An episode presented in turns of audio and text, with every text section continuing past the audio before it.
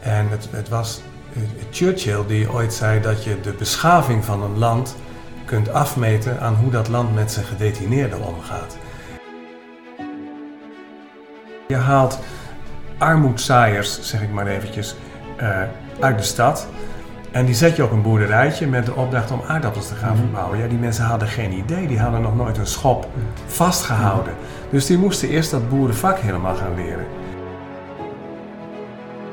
En laten we eerlijk zijn, ehm, er lopen in Nederland meer dan 1 miljoen mensen rond, succesvolle mensen mhm. ook, die nazaten zijn van mensen die in een van die koloniën van de weldadigheid hebben gezeten. Bekende namen. Je hoort Peter Sluiter en Anne van Schepen van het Gevangenismuseum in Veenhuizen. We gaan ruim 200 jaar terug in de geschiedenis naar het heropvoedingsexperiment van Johannes van der Bos. Een man die, zoals we vandaag zullen gaan horen, zijn tijd op diverse terreinen ver vooruit was. Daarnaast komen er bijzondere verhalen aan bod en maken we ook de sprong naar het heden met de TBS-problematiek. Veel luisterplezier bij aflevering 16 van de Gouden Graal podcast. I feel like a lion. I'm so strong. Bring me the legacy. I'm so fun.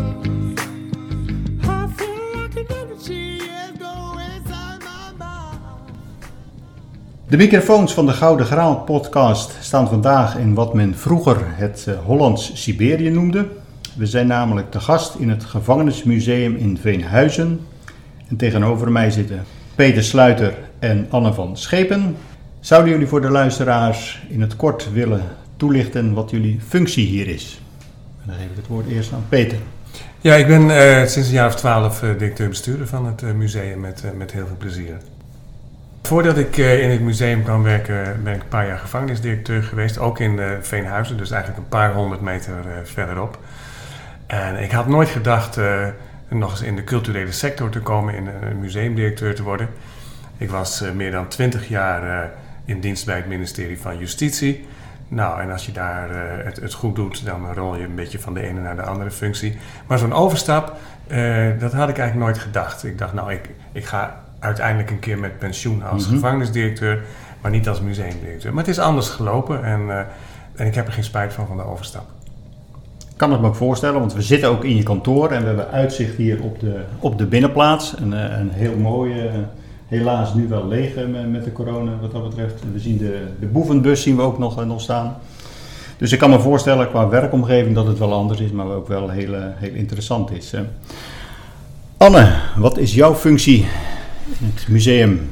Ik ben sinds 2014 eh, ben ik vrijwilligerscoördinator van dit museum en uh, ik ben eindverantwoordelijk voor de museumwinkel. En als vrijwilligerscoördinator stuur ik ongeveer 130 vrijwilligers aan. die met heel veel passie en plezier hier hun werk doen. En graag alle verhalen die hier liggen, die ze overigens ook vaak in hun eigen werkverleden hebben meegemaakt, vertellen aan de, aan de vele bezoekers die we hier krijgen. Helemaal duidelijk. En wat heb je hiervoor gedaan, voordat je hier als vrijwilligerscoördinator kwam? Ja, ik had ook net, net als Peter nooit gedacht om mijn uh, werkzame leven te eindigen in, in een museum. Uh, alhoewel ik natuurlijk wel altijd uh, een, een, soort van passie voor musea heb gehad. Maar ik heb mij 25 jaar bemoeid met verkeersveiligheid. Ik was projectleider verkeersveiligheid bij de grootste verkeersveiligheidsorganisatie van dit land, Veilig Verkeer Nederland. En na 25 jaar kwam daar een eind aan. En uh, toen ben ik die interesse voor musea gaan volgen door mij uh, uh, actief te gaan opstellen voor een klein museum op de Afsluitdijk. Klein in de, in, de, in de zin van bezoekers, maar wel groot in, de, in oppervlakte. Mm -hmm. Het Museum. En vanuit die ervaring ben ik hier terechtgekomen. En hoe lang zit je hier nu al? Uh, zeven jaar. Zeven jaar? Zeven jaar. Okay. Nou, dan heb ik wel uh, interessante mensen rond, uh, rond de tafel zitten in ieder geval hier. We gaan even terug naar de, de geschiedenis. Johannes van der Bos, een hele bekende naam eh, wel voor het eh, gevangenismuseum. Uh, zouden jullie wat kunnen vertellen over zijn experiment dat hij uh, ja, bijna alweer 200 jaar geleden is, uh, is begonnen? Ja, dan moeten we eventjes terug naar, naar 200 jaar geleden. Toen was Napoleon eigenlijk net Nederland uit. En zoals eigenlijk altijd als een land bij een oorlog is betrokken geweest, en dat was Nederland, Nederland was bezet, dan, dan laat de bezetter uiteindelijk dat land tamelijk berooid en in armoede achter. Uh, dus er was honger. Uh, van de beroepsbevolking was een kleine 50% werkloos. Uh, als gevolg van een enorme vulkaanuitbarsting aan het andere eind van de wereld veranderde het klimaat een beetje, zodat oogsten een paar jaar mislukte. Dus er was armoede en er was echt, echt enorm honger in, in vooral de steden. Het platteland valt dat met honger altijd een beetje mee armoede, honger, ellende, grauwe ellende. Vooral in de steden van nou ja, wat we nu zeg maar ongeveer de Randstad noemen. Maar ook wel elders in stedelijke gebieden. Toen was er uh, die Johannes van der Bos, je, naam, uh, je noemde al even zijn naam, een, een legerofficier. Een, een man met een enorme dadendrang. En die dacht, ja, die, die, die armoede, dat is niet goed, daar moeten we iets aan doen. En dat, dat speelt zich ook af tegen de achtergrond van het verlichtingsdenken dat eind 18e eeuw uh, opkwam. Hè. Dus het verlichtingsdenken wil zeggen dat niet, niet God alles bestiert, maar dat je als, als mensen en als mensheid ook een heleboel zelf kunt maken. Het is een beetje het begin van het maakbaarheidsdenken van de samenleving. En die van der Bos die dacht, die armoede dat is gewoon slecht en dat is slecht voor mensen, slecht voor de samenleving, daar moeten we iets aan gaan doen. En dat was zeg maar het idealistische deel van zijn denken. Maar er was ook nog een beetje een pragmatisch deel. Namelijk als er in steden te veel armoede is en te veel ellende is, dan bestaat, dan, dan groeit voor de gegoede burgerij er ook een risico. Namelijk opdat die arme mensen op een gegeven moment zich organiseren en in opstand komen. En dan is het, waar ze zich dan op richten, is natuurlijk het, het verschil arme-rijke mensen. Dat is ook een bedreiging. Dus het was eigenlijk een beetje zo'n twee, tweesporige gedachte. Aan de ene kant het idealisme. De armoede moet de wereld uit. En aan de andere kant ook heel pragmatisch. Van ja, te veel armoede en ellende opgestapeld. Dat wordt op een gegeven moment, ja, je zou dat nu zeggen, een bedreiging voor de openbare orde. Toen, toen formuleerden ze dat een beetje anders, maar eh, daar kwam het wel op neer. En die van de Bos die dacht, ik moet dat grootschalig aanpakken. Want een beetje hier wat geven en daar een aalmoes geven en hier wat brood uitdelen, dat helpt niet. Dus die heeft geanalyseerd dat je mensen niet moet helpen door ze dingen te geven, maar dat je eigenlijk mensen moet oppakken en moet leren voor zichzelf te gaan zorgen.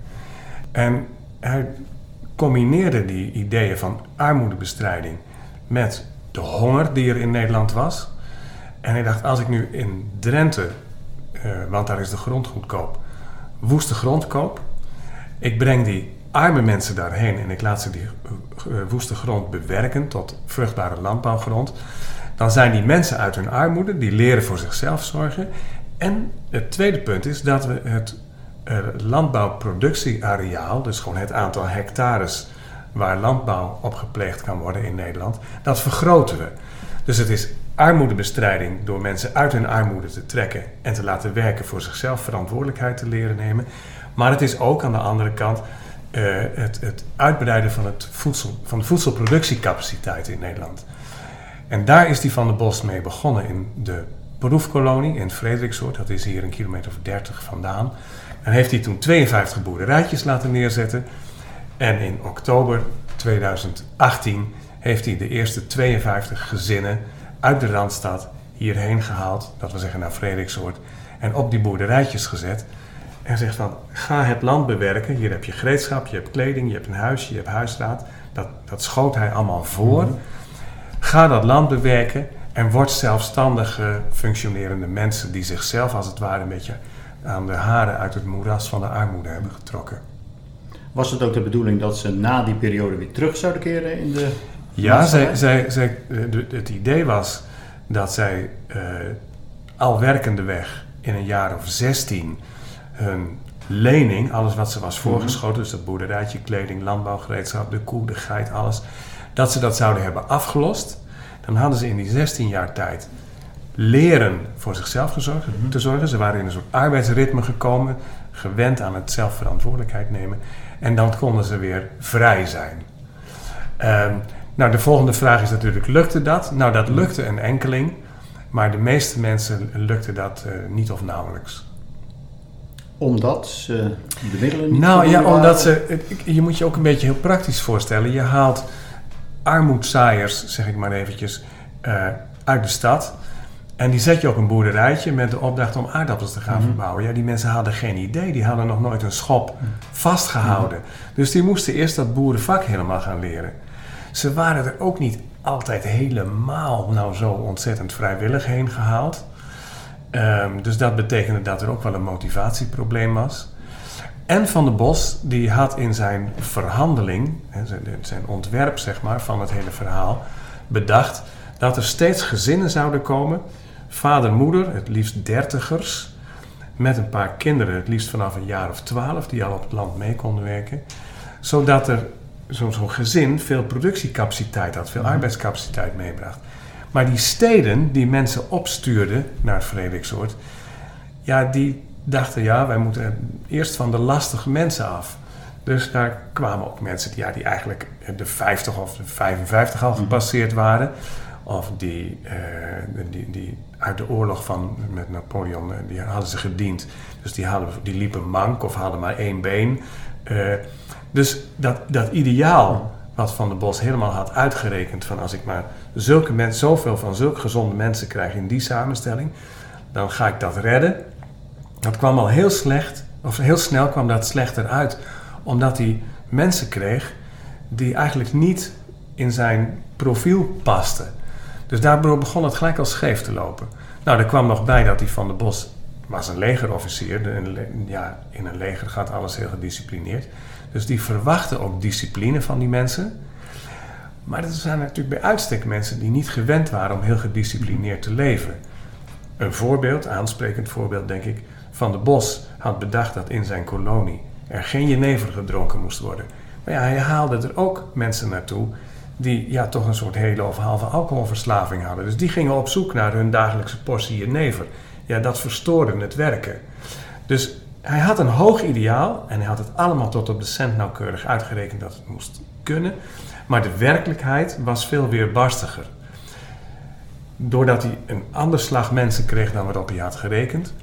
En een tweede component was dat het bewerken van die grond ook heel lastig was.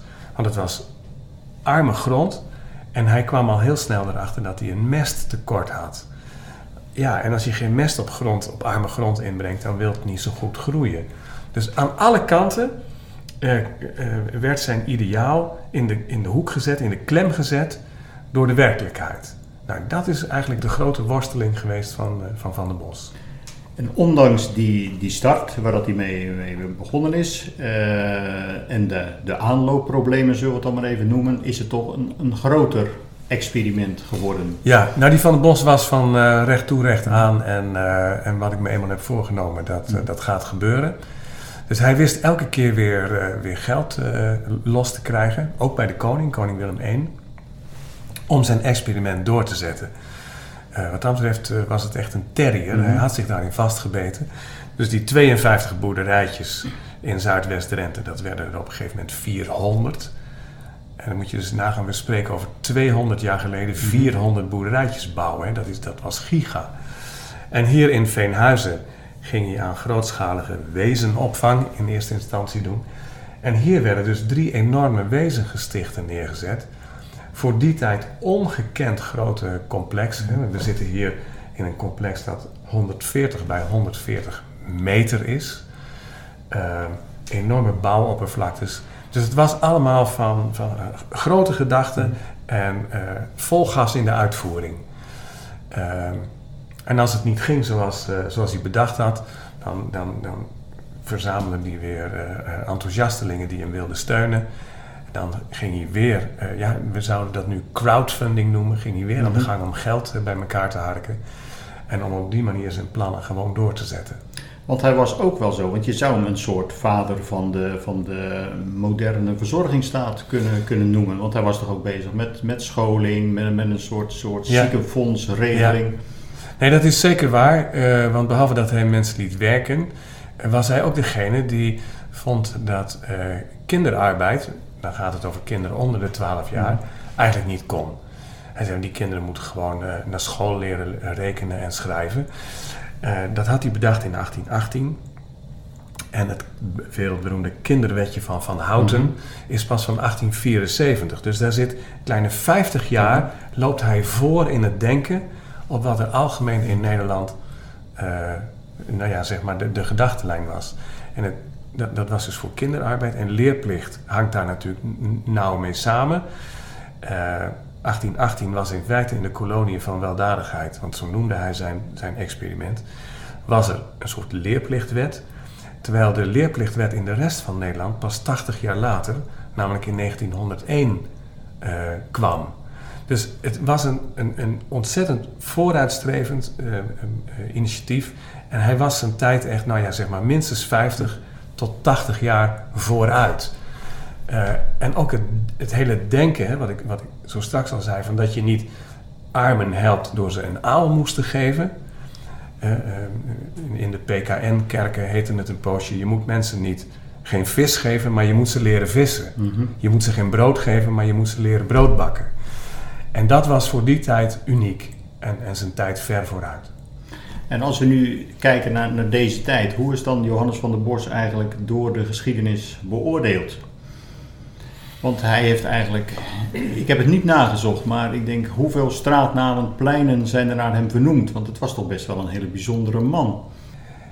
Nou, ik denk dat er in Den Haag een eerste en een tweede van de Bosstraat is. Eh, en voor de rest van Nederland zou ik het niet weten. We hebben in Veenhuizen natuurlijk de Van der Boslaan. Ja, de Johannes. Ja. Maar dat ligt natuurlijk, als het ergens voor de hand ligt, dan is het natuurlijk in Ja. Veenhuizen. Dus wat dat betreft, kijk, je kunt, je kunt op hem terugkijken als eh, eh, eh, vanuit de huidige, eh, het huidige gedachtegoed, het huidige normen en waardepatronen. En dan, dan, dan, dan kun je tot een bepaald oordeel over hem komen. Maar wat Peter terecht zegt, het is wat hij natuurlijk bedacht heeft, was in die tijd eh, was dat revolutionair. Eh, en was dat inderdaad, eh, kun je dat wel, wel kenschetsen als het begin van onze verzorgingsmaatschappij. Geldt niet alleen voor onderwijs, geldt natuurlijk ook voor gezondheidszorg. Er waren ook basale vormen van gezondheidszorg die men nergens anders kreeg. Of dat nou allemaal zo efficiënt was, dat kun je achteraf afvragen. Want als je kijkt naar de gestichten hier in Veenhuizen. Mensen zaten in, in, in barre omstandigheden hier zo dicht op elkaar in zalen dat als er eh, ergens iets uitbrak in één zo'n zaal, ja, dan waren ineens 80 mensen ziek. En wat hier heel berucht was, was de zogenaamde Veenhuizer oogziekte. Eh, die natuurlijk alles had te maken met gebrek aan hygiëne, met gebrek aan, aan goede omstandigheden, met, eh, met ongedierte wat hier welig kon, eh, kon tieren, met ja, de, de, de poepdozen die midden in de, in de zalen stonden natuurlijk. Maar er was wel een basale vorm van gezondheidszorg, wat zelfs resulteerde in het feit, na de periode van Van der Bos, dat aan het eind van de 19e eeuw hier zelfs in Veenhuizen een hospitaal is gebouwd. Nou, noem mij één ander dorp in Nederland met een eigen hospitaal. Helemaal waar. Dus dat geeft wel aan inderdaad dat hij zijn tijd al ver vooruit eh, was. Ja, En toch, uiteindelijk is het geen succes geworden. Had het ook mee te maken dat er eh, in de loop der jaren een ander slag mensen hier naar Veenhuizen gestuurd werd? Ja, zelfs de vraag of het een, wel of niet een succes is geworden, daar kun je, eh, daar, kun je genuanceerd naar kijken. Ehm, er, er, er zijn dus nu bijvoorbeeld in Frederiksoord, overigens Peter heeft niet vermeld dat hij ook directeur-bestuurder is van het museum in Frederiksoord. Er zijn in Frederiksoord nog steeds nazaten eh, te vinden van, van de eerste kolonisten. Die wonen en leven en werken nog steeds in de omgeving van Frederiksoord en beschouwen hun eigen verleden, eh, ook hun familieverleden, als een succes. Eh, als je het, het, het boek van Suzanne Jansen leest, dan kun je op een gegeven moment toch eh, de, de, de conclusie trekken, hè, die Suzanne Jansen ook trekt in haar eigen boek, dat het haar wel degelijk gelukt is, mede aan de hand van haar ge- familiegeschiedenis, om zeg maar te ontsnappen uit die, uit die kooi van je, je, je staat aan de onderkant van de maatschappij en daar blijf je. Dus het, het, ja, je kunt zeggen het is voor een deel geen succes te worden, geworden, maar je kunt eh, wel degelijk vanuit de nuance kijken dat het voor heel veel mensen wel een succes is geworden. En laten we eerlijk zijn, ehm, er lopen in Nederland meer dan 1 miljoen mensen rond, succesvolle mensen Mhm. ook, die nazaten zijn van mensen die in een van die koloniën van de weldadigheid hebben gezeten. Bekende namen. Nou, dat is wel leuk om te vertellen. een van die bekende namen is Pechtold. We kennen Alexander Pechtold Mhm. allemaal. En Pechtold stamt af van paupers die hier in Veenhuizen hebben gezeten. En dat eh, eh, eh, Pechtold zelf, die zei dat toen hij hier was, zei hij van... Ja, zei hij, ja, dan kun je toch wel zien dat je van een dubbeltje heus nog wel een kwartje kunt worden. En dat was eigenlijk wel mooi uitgedrukt. Want zeg maar, eh, sociale promotie, om het maar eens een beetje 20e eeuw of 21e eeuw te zeggen, is dus wel degelijk eh, mogelijk gebleken. Maar er zijn veel meer mensen hoor, veel be- bekende Nederlanders ook, die hier een, eh, voorouders hebben. Jeltje van Nieuwenhoven, voormalig Tweede Kamervoorzitter. Philip Freriks, de, de, de hoge priester van het 8 uur journaal is hij ooit genoemd. Eh, maar ook Willeke Alberti, eh, echt een, eh, Ruud Lubbers, de, de voormalige minister-president. Echt heel veel bekende Nederlanders die hier voorouders hebben gehad.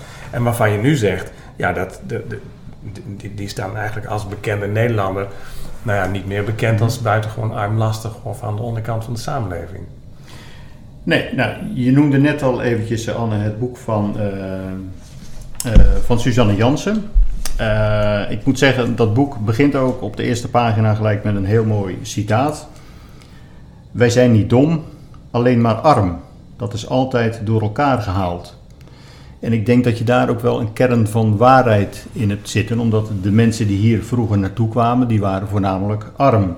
Maar het was toen ook 2 miljoen mensen konden in die tijd niet in hun eigen onderhoud voorzien. Dus dat het zo raar was dat die mensen aan landloperij, belarij gingen doen, was ook niet, was ook niet zo vreemd. In het boek van Suzanne Jansen zie je natuurlijk heel mooi beschreven de diverse generaties, hoe dat het hun vergaan eh, is.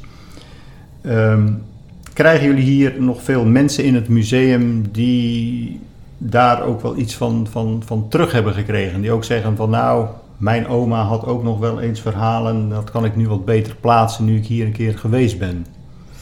Ja, het is, je kunt eigenlijk de, de, de bezoekers aan, eh, aan dit museum kun je opdelen in twee grote categorieën. Ehm, dat, de- dat zijn ten eerste natuurlijk de, de, de gezinnen met kinderen die, die graag een leuk en spannend dagje uit willen hebben. Maar een hele grote categorie is ook, ook die categorie mensen die of dat boek gelezen hebben, maar ook daarmee op zoek zijn naar hun eigen verleden. Dat betekent ook heel vaak dat de, de vraag aan de museumbalie wordt gesteld van ik stam af van, of ik heb dit en dit verhaal, weten jullie daar meer van? Kunnen jullie mij verder op weg helpen? En gelukkig kunnen we dat heel, eh, heel vaak, eh, want alles is natuurlijk zo langzamerhand wel zo'n beetje ontsloten. Ja. Eh, dus dat betekent dat mensen ook eh, op diverse sites met hulp van ons, met hulp van Drents Archief, op zoek kunnen naar dat specifieke stukje eigen, eigen verleden van hun.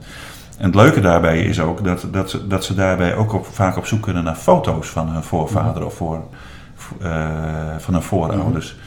Hè, daar waar, waar, waar vroeger de, de, eh, het maken van een foto van jezelf alleen maar was voorbehouden aan iemand die heel veel geld had. eh, eh, eh, eh, was een, een foto als je hier kwam gebruikelijk. Ehm, dus dat, dat, is, dat is ook wel heel spannend om te zien. Wij hebben op ons binnenterrein hebben wij een aantal uitvergrote foto's staan van een aantal mensen die hier als, als paupers, bedelaars eh, gezeten hebben. Ehm, ja, en dat was natuurlijk anders nooit gebeurd. Die foto was nooit genomen. En mensen kunnen met, met dat ontsluiten daarvan, kunnen ze op een hele mooie manier terug eh, eh, in, hun, in hun eigen verleden.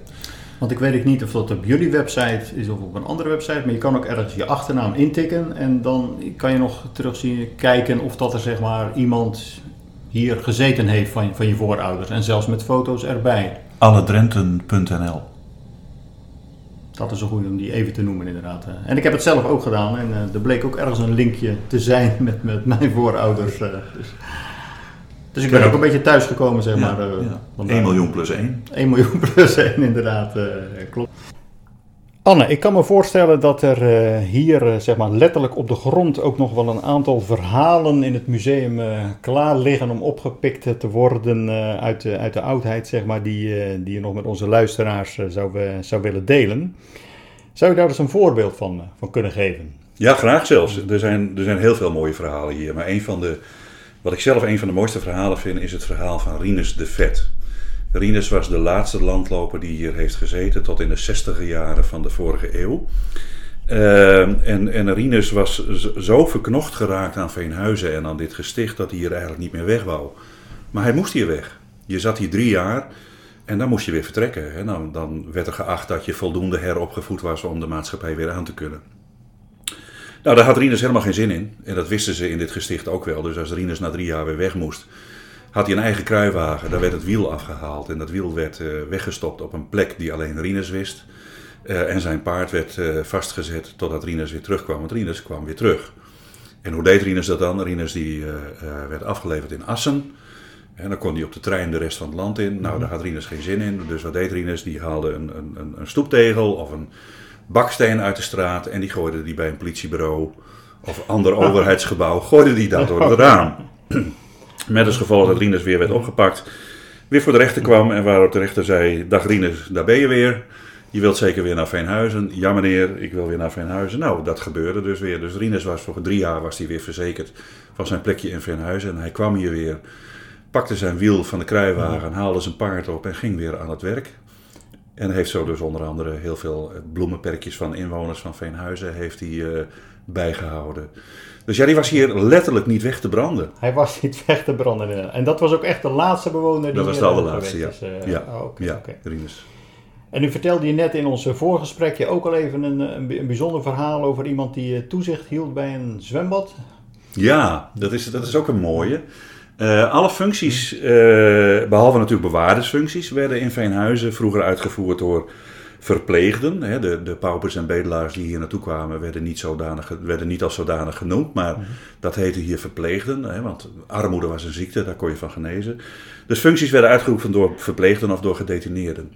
Uh, zo ook de badmeester. Er was op een gegeven moment door verpleegden en gedetineerden hier een eigen zwembad gegraven. Met een open doorvaart naar de, naar de vaart. Mm -hmm. Daar kwam het water dan uit. Nou, en er werd een van die, van die verpleegden of gedetineerden werd aangesteld als badmeester. Had hij niks te doen, dan zat hij op de duikplank te vissen. Want ja, het was water uit de vaart, dus de vissen kwamen ja. ook mee naar binnen. Maar had hij wel wat te doen, dan heeft hij, uh, moest hij bijvoorbeeld kinderen leren zwemmen. En zo heeft hij heel veel kinderen hier uit het dorp en de omgeving heeft hij, uh, op een uitstekende manier uh, leren zwemmen. Aan het eind van het jaar werd er een feestje gevierd. Het zwembad ging dicht voor de winter en er werd een feestje gevierd. En nou, wat doe je dan met een badmeester? Die pak je op en die gooi je in het water. Ja, en al gauw bleek, men moest er achteraan springen, want hij kon zelf voor geen meter zwemmen. okay. Is overigens wel het moment geweest dat hier definitief werd besloten om dan maar een echte badmeester aan te stellen. Mm -hmm. okay. Nou, gelukkig had hij wel genoeg mensen dan opgeleid om hem te kunnen redden. Zeker, dat, ja. Uh, dat boek van Suzanne Jansen, heeft dat jullie echt heel veel goeds gebracht? Bekendheid of nog andere ja. Zaken? Ja, dat, uh, dat, dat, daar plukken wij eigenlijk nog dagelijks de vruchten van, uh, van dat boek.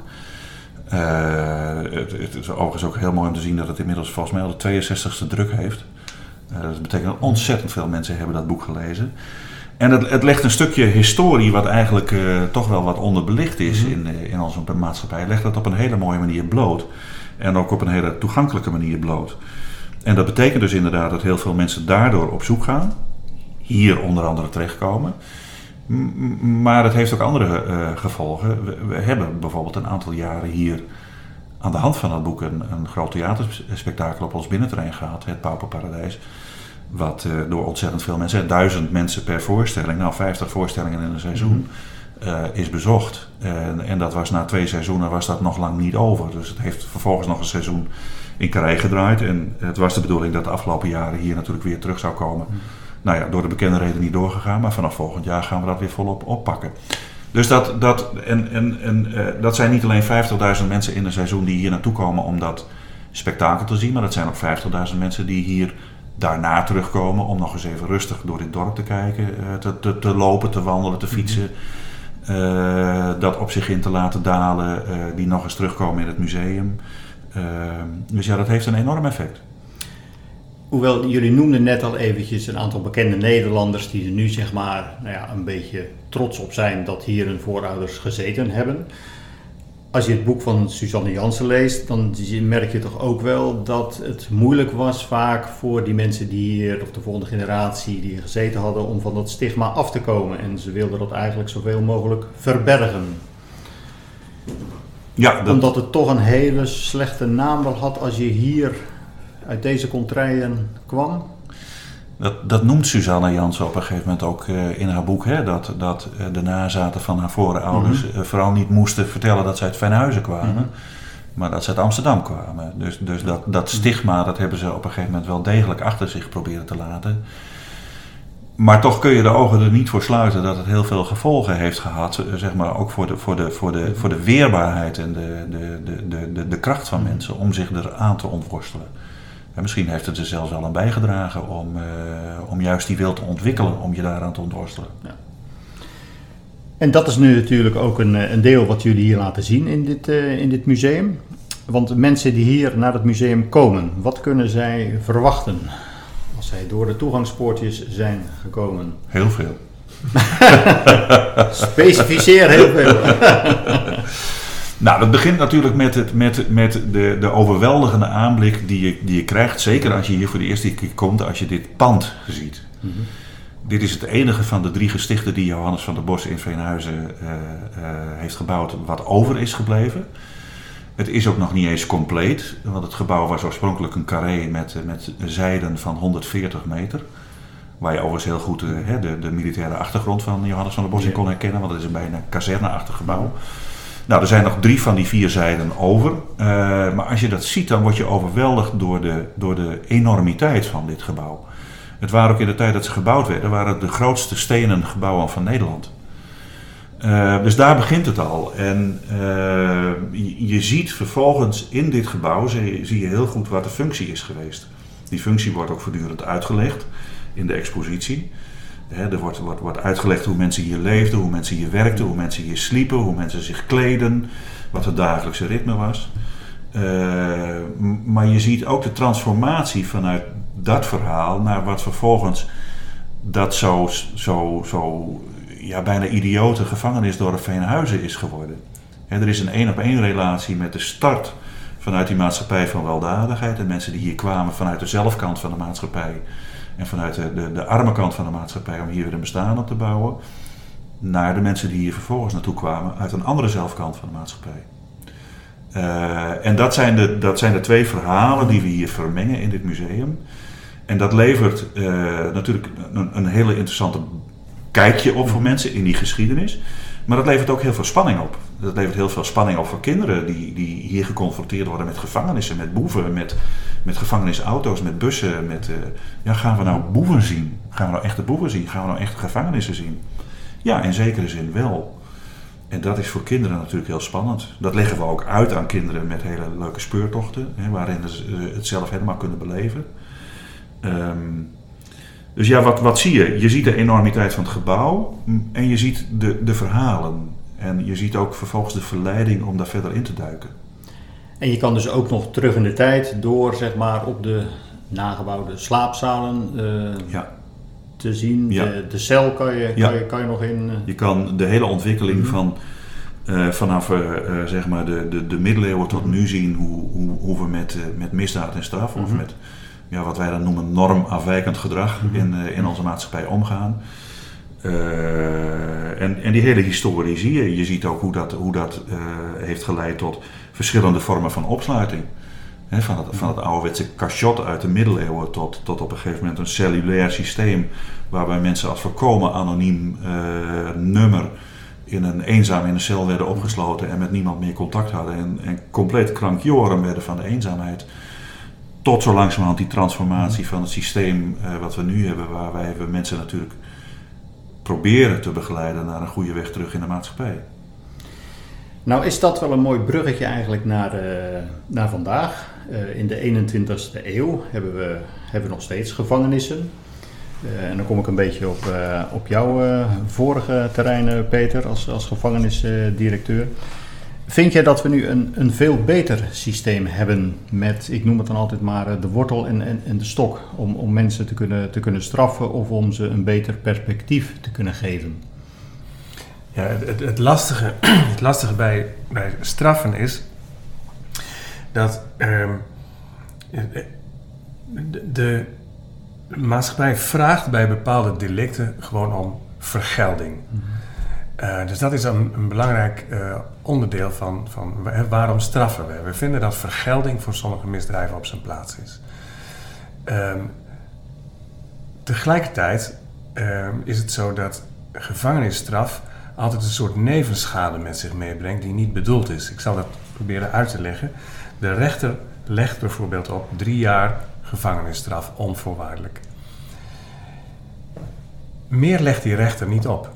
Maar wat er met de gedetineerde gebeurt, is die gaat voor drie jaar de cel in. Als hij een relatie heeft, komt die relatie gegarandeerd onder druk te staan. Als hij werk had, raakt hij gegarandeerd zijn baan kwijt. En als hij al een huis had, raakt hij, doordat hij zijn inkomen kwijtraakt, ook nog eens zijn huis kwijt. Dat heeft de rechter nooit opgelegd, maar het is wel nevenschade die, die onvermijdelijk ontstaat. Um, dus ik ben ook zelf wel blij met dat de, de, de rechters uh, in toenemende mate ook daarnaar kijken. En als het even kan, en dat kan niet voor elk delict, uh, werk- of taakstraffen opleggen in plaats van gevangenisstraffen. Want gevangenisstraffen, als je drie jaar hebt gezeten, is het heel moeilijk om na die drie jaar, als je met je, met je spulletjes op de stoep van de, van de gevangenis staat, om weer goed terug te komen in de mhm. samenleving. Want je bent eigenlijk alles kwijt. Nou, probeer dan op dat moment maar eens niet terug te gaan naar bijvoorbeeld je oude vrienden, door wie en met wie je misschien wel het verkeerde pad op bent gegaan. Het is heel erg lastig. Dus ik snap heel goed dat gevangenisstraf soms onontkoombaar is, maar ik ben ook blij met het zeg maar. Uh, uh, met de, de, de, terughoudendheid die, die, die rechters hanteren om het op te leggen. Um, dus ja, zo, zo zit ik daar een beetje in. Want eigenlijk zou je kunnen zeggen, zijn de tijden niet echt veranderd met 200 jaar geleden. Nee, nou ja, mensen blijven natuurlijk uh, misdrijven mhm. plegen. Dat, dat is van, van mhm. alle tijden. Overigens, wat, wat als een misdrijf wordt aangemerkt, dat verschilt wel door de eeuwen heen. Uh, kijk, moord bijvoorbeeld, moord en doodslag, is eigenlijk in alle culturen en door alle eeuwen heen, waar ook ter wereld, wordt dat als ontoelaatbaar gezien, als een misdrijf waarop straf volgt. Maar, en dat leggen we hier in het museum ook uit, er zijn ook gedragingen van mensen die drie eeuwen geleden als een misdrijf werden gezien en nu volkomen geaccepteerd normaal mhm. zijn. Een voorbeeld daarvan is homoseksualiteit. Dat is heel lang strafbaar geweest, daar werd je voor opgesloten. Mm daar denken we tegenwoordig heel anders over. Vroeger was het zo dat vrouwen die 40 kilo wogen, dat waren heksen, die kwamen op de brandstapel. Tegenwoordig is het zo dat, dat analyseren we als, of diagnosticeren we als anorexia. En die mensen gaan naar een behandelkliniek. Dus wat drie eeuwen geleden gewoon een strafbaar, strafbaar feit of strafbaar mhm. gedrag was, daar denken we nu heel anders over. Dus dat hele denken daarover is, is niet uh, iets wat een, wat een constante is, maar wat in beweging is. En natuurlijk, hè, als, als het gaat om diefstal, dan zal dat al heel snel gezien worden als ontoelaatbaar.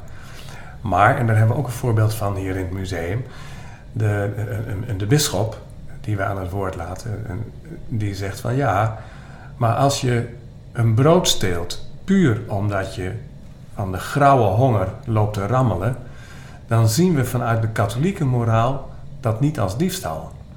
Dus dan kom je op dat snijvlak van ja, de bakker van wie het brood gestolen wordt, zal het ongetwijfeld mhm. als diefstal vinden.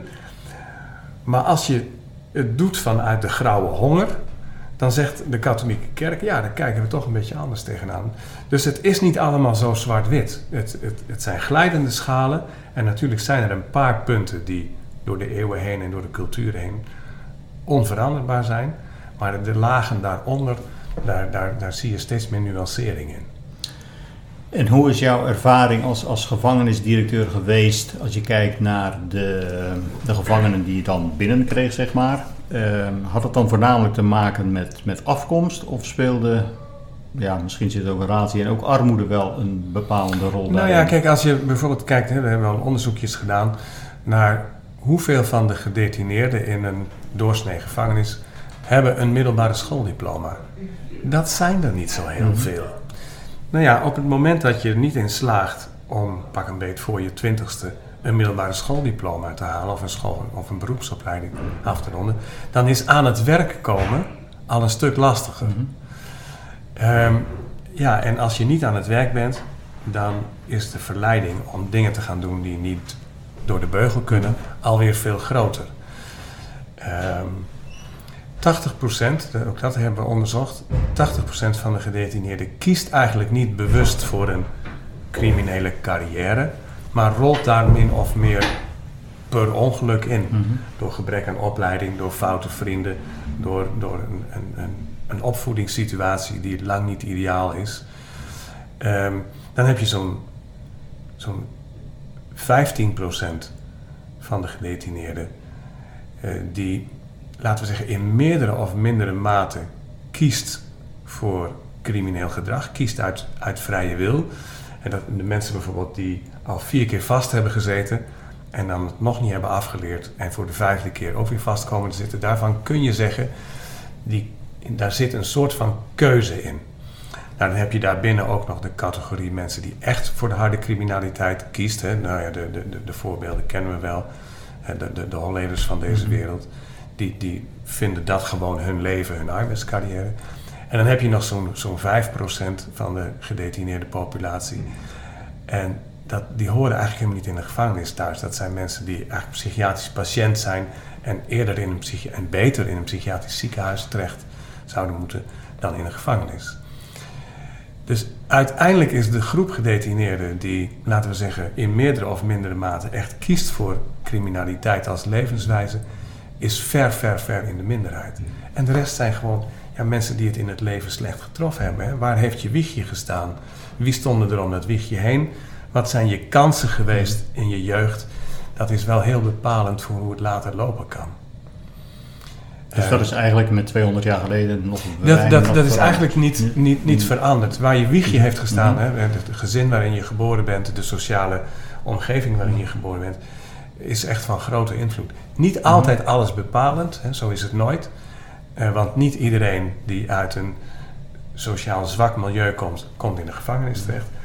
Maar eh, statistisch gezien nemen je kansen op in de gevangenis terechtkomen nemen wel toe naarmate het sociale milieu waar je opgroeit er beroerd eraan toe is.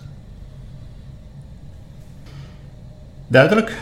Bedankt voor de uitleg. Ik wil Anne met jou nog even terugkomen op ehm, wat je vertelde in het begin. Eh, hoeveel vrijwilligers dat er hier in het, eh, in het museum eh, werkzaam zijn. 130 zijn. Ik ben dan altijd wel benieuwd hoe dat je ervoor zorgt dat die mensen ook nou ja, gepassioneerd, dat ze, dat, dat, dat ze blijven komen. Want ze komen vrijwillig. Hè? Ik bedoel, als je voor, voor je werkt, dan, dan krijg je één keer per maand je, je salaris. Dus dat doe je voor de, voor de broodwinning. Maar de vrijwilligers, die komen hier omdat ze het leuk vinden. Dus hoe zorg je ervoor dat het klimaat zo blijft dat die mensen hier met plezier naartoe komen? Ja, je, je slaat de spijker op zijn kop. Eh, eh, eh, kijk, wij doen het, Peter en ik doen het betaald. En dat betekent dat als wij vandaag besluiten, om wat voor reden dan ook, om ermee te stoppen, dat er morgen een advertentie wordt gezet en bij wijze van spreken overmorgen vervangers voor ons zijn. Dat ligt met vrijwilligers iets gecompliceerder, terwijl juist die vrijwilligers voor ons zo verschrikkelijk belangrijk zijn om dit, überhaupt dit museum te kunnen, te kunnen runnen. Ehm, die, die, die motivatie voor vrijwilligers die zit er voor een deel intrinsiek in. Eh, we hebben hier heel veel vrijwilligers die zelf een arbeidsverleden in Veenhuizen hebben. Eh, Zij het als eh, bewaarder of eh, zoals dat nu heet, PIW'er. En die, die dolgraag hun, hun verhalen blijven vertellen over hoe ze vroeger dat vak beleefd hebben. Dus dat is, dat is al een intrinsieke eh, motivatie. Maar de, de tweede motivatie die, die, die, we kunnen bieden, is ervoor zorgen dat deze organisatie eh, zodanig functioneert dat, het- dat het voor hun dus, fijn is om hier te blijven werken. Dat het voor hun, ja, ik zeg dan altijd maar warm is om hier te, ku- te kunnen blijven werken. Wij kenschetsen onszelf ook als een warme organisatie. En dat zie je ook, dat, dat vrijwilligers elkaar hier als een soort familie beschouwen. Nou, dat kunnen wij eh, natuurlijk op allerlei manieren stimuleren. Met, met, met de manier waarop mensen hun werk kunnen doen, met de arbeidsvoorwaarden. We zorgen er tussenmiddag voor dat er altijd een verse ketel met soep staat. We zorgen ervoor dat we uh, goede bijeenkomsten met mensen organiseren, dat we uitjes organiseren met mensen, dat we de, de contacten met elkaar open houden. In de coronaperiode, hè, waarin mensen elkaar wat minder zien, sturen we elke week een nieuwsbrief rond om de, de band open te houden met mensen. We staan op de stoep met pakketjes, hou vol. Ehm, dus we doen daar heel, heel veel aan. Uh, en wat we, een van de dingen die we ook heel erg duidelijk maken is. Er is bij ons uh, natuurlijk wel in de, in, de, in de geldelijke beloning, maar niet in de andere vormen van, van manier waarop we met mensen omgaan. Geen verschil tussen beroepskrachten en, en vrijwilligers. Mm Want hoe is de verhouding met betaalde krachten en vrijwilligers? Uh, nou, ongeveer 1 op 3.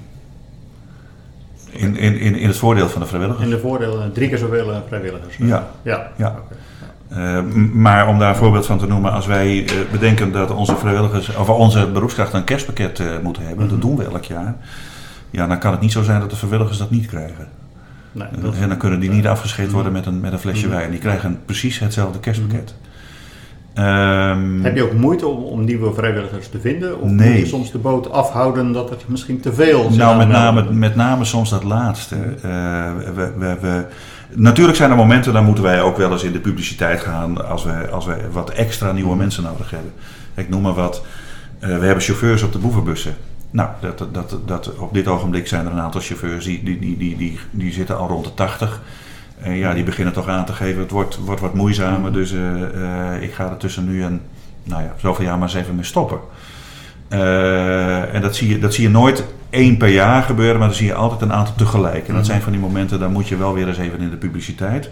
Nou, wat voor ons ook een moment is om te zeggen, zou het nou niet leuk zijn dat we naast al die mannen achter het stuur ook vrouwen achter het stuur hebben. Dus dan moeten we er wel wat meer moeite voor doen. Maar het blijkt wel, uh, dat, dat, als, dat zien we heel vaak, dat als mensen de keuze hebben tussen organisatie A of het gevangenismuseum, ja, dat die keuze toch gauw voor ons gemaakt wordt. Omdat we mhm. juist die uitstraling hebben uh, naar mensen toe dat, we, dat, het, dat, het, dat het hier goed is, dat we het hier goed voor elkaar hebben.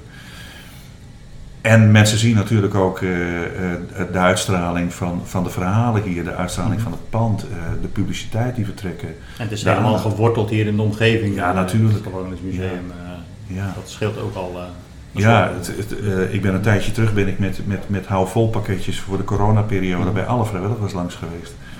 Ja, dan zijn de meeste adressen die zijn er toch in Veenhuizen of in de directe omgeving. Ja, ja. kan ik me goed voorstellen.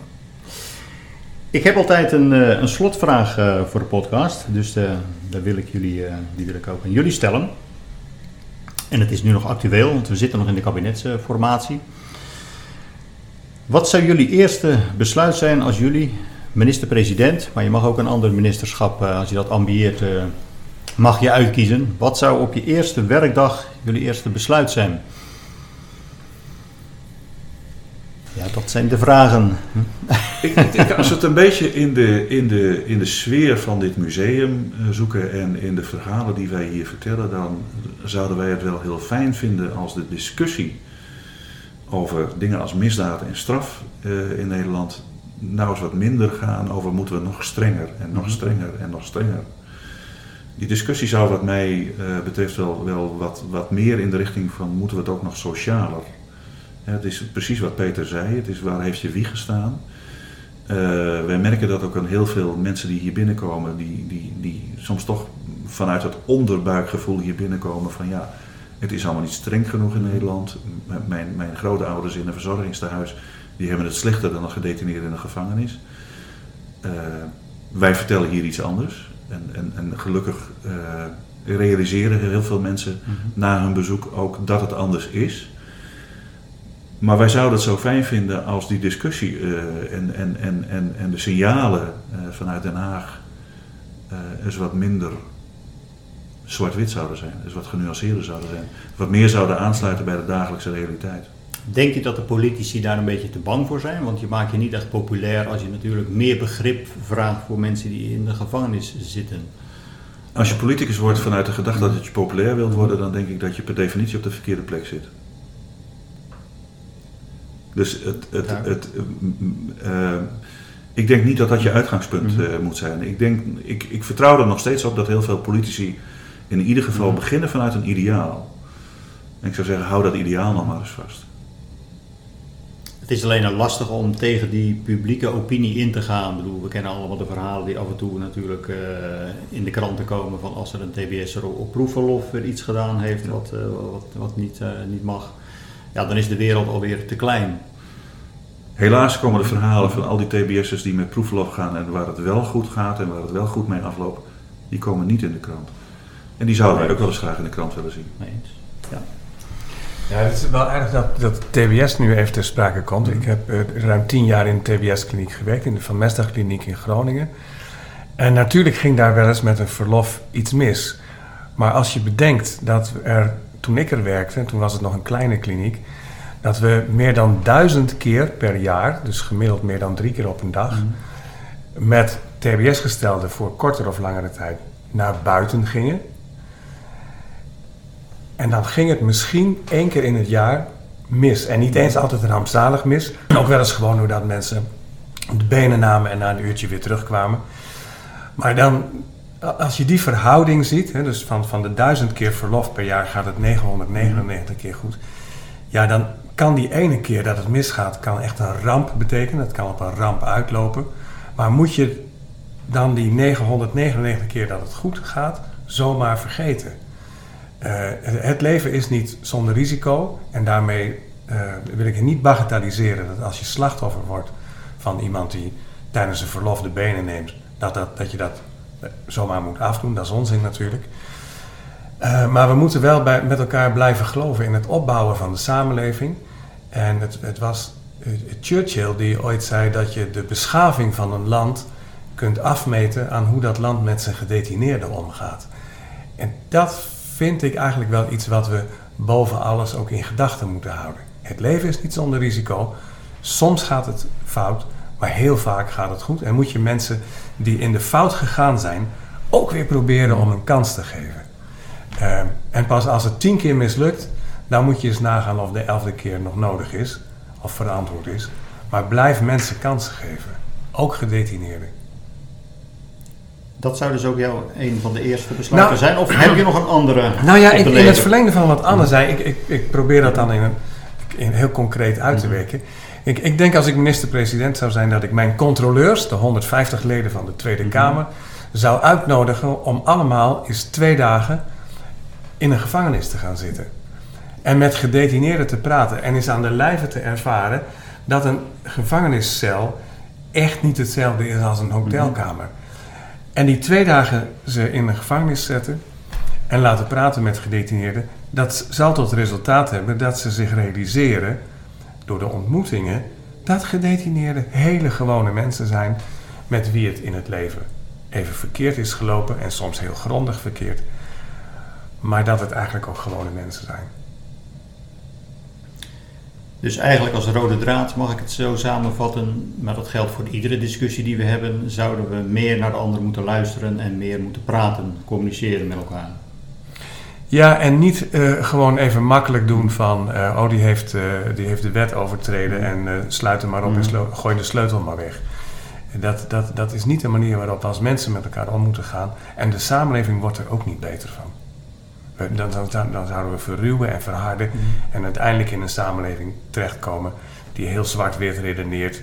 en ik, ik denk niet dat dat een goede zaak is. Prima, dan wil ik jullie hartelijk bedanken voor jullie, uh, voor jullie tijd en jullie verhalen die jullie met, met ons gedeeld hebben. Graag gedaan. Was kan... leuk om, om zo met elkaar even te praten. En ik kan de luisteraars zeker het Gevangenismuseum van harte aanbevelen. Ik heb hem zelf bezocht toen het nog voor de coronatijd was. Dus laten we hopen dat zo snel mogelijk de deuren hier weer van dit Gevangenismuseum weer, weer volledig open gaan. En daar wil Anne nog wel wat over zeggen, zie ik. Die gaan in zekere zin uh, vanaf komende zaterdag uh, eh, 17 april weer open. Mm -hmm. uh, we hebben het al vaker over het Pauperparadijs gaat, het boek van Suzanne Jansen. Eh, vanaf zaterdag bieden wij bezoekers een audiotour aan door Veenhuizen. midden in het verhaal van Pauperparadijs, ingesproken door Suzanne Jansen en Paul Kooi. Dus mensen kunnen via onze site kunnen ze dat boeken. En dan, dan kunnen ze in zekere zin alweer naar binnen. Dan zijn we een soort openluchtmuseum. Openluchtmuseum, prima.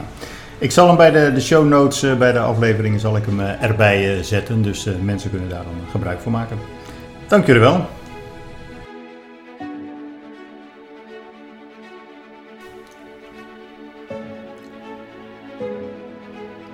Je hebt geluisterd naar Peter Sluiter en Anne van Schepen vanuit het Gevangenismuseum. We zijn terug in de tijd gegaan naar een belangrijk onderdeel van onze vaderlandse geschiedenis. Voor de geïnteresseerden is de website waarop je kunt kijken of jouw voorouders ook in de arme koloniën hebben gewoond, alledrenten.nl. En is de in het interview genoemde luistertocht vanaf 24 april via de website gevangenismuseum.nl te boeken. Na afloop van het interview ben ik naar het vierde gesticht gegaan. Op deze begraafplaats, net buiten Veenhuizen, liggen 10.000 verpleegden. Tot 1875 werden deze anoniem begraven. Bij de ingang van de begraafplaats hangt een nog met hand getypt gedicht achter een glazen ruitje. Het geeft op een indringende wijze het leven en de dood van een bewoner in de pauperkolonie in Veenhuizen weer. En met dat gedicht wil ik deze aflevering beëindigen. Er werd een verpleegde begraven. Een shovel pak, versleten schoenen in zijn hand een stok, een oude pet, om ieder been een rafelige sok. Ruim en slonzig ondergoed om het lijf, reumatisch en een beetje stijf. Zwierf hij dagelijks door dorp en stad, schooiend op zijn levenspad. Met familie had hij geen contact, waarom ook, als landloper afgezakt. Als een paria in de maatschappij had hij slechts één wens: volkomen vrij. Eenzaam zwierf hij zo door het land, meestal met een bosje veters in zijn hand. En lukte het deze te verkopen, dan werd de winst in één keer opgezopen. En mocht hij soms iets overhouden, wel, dan waren er nog de vrouwen. Het lichaam, ondermijnd door drank en hoeren, kwam in Veenhuizen regelmatig weer op toeren. Want de enige die hem niet vergat, was de rechter, die hem op verzoek telkens drie jaar toemat. Iedere poging tot zijn reclassering vond bij hem slechts een negering. Bij ontslag kende hij slechts een behagen de uitgaanskas erdoor te jagen. Was die erdoor, dan keerde hij vlug, als verpleegde op basis Veenhuizen terug. In zijn bruine pak en buis voelde hij zich volkomen thuis. Eenzaam en vereenzaamd in het leven heeft hij in het hospitaal zijn ziel gegeven. Daar stierf hij zijn eenzame dood, van zijn lijk was alleen de neus nog rood. Acht lotgenoten bewezen hem de laatste eer en lieten hem in de diepe zandkuil neer. De dominee bad het onze vader aan zijn graf, de administratie voerde hem van de sterkte af. In een zwart geverfde, vurenhouten kist rust hij nu, die door niemand wordt gemist. Op het viert kwam er weer een bij. Het werd nummer 10 op de zesde rij.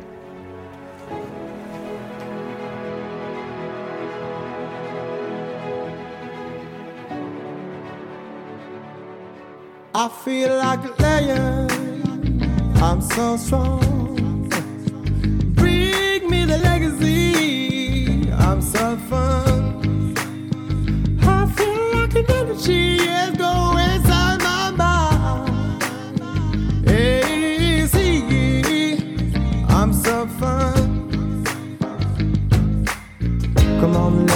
breathe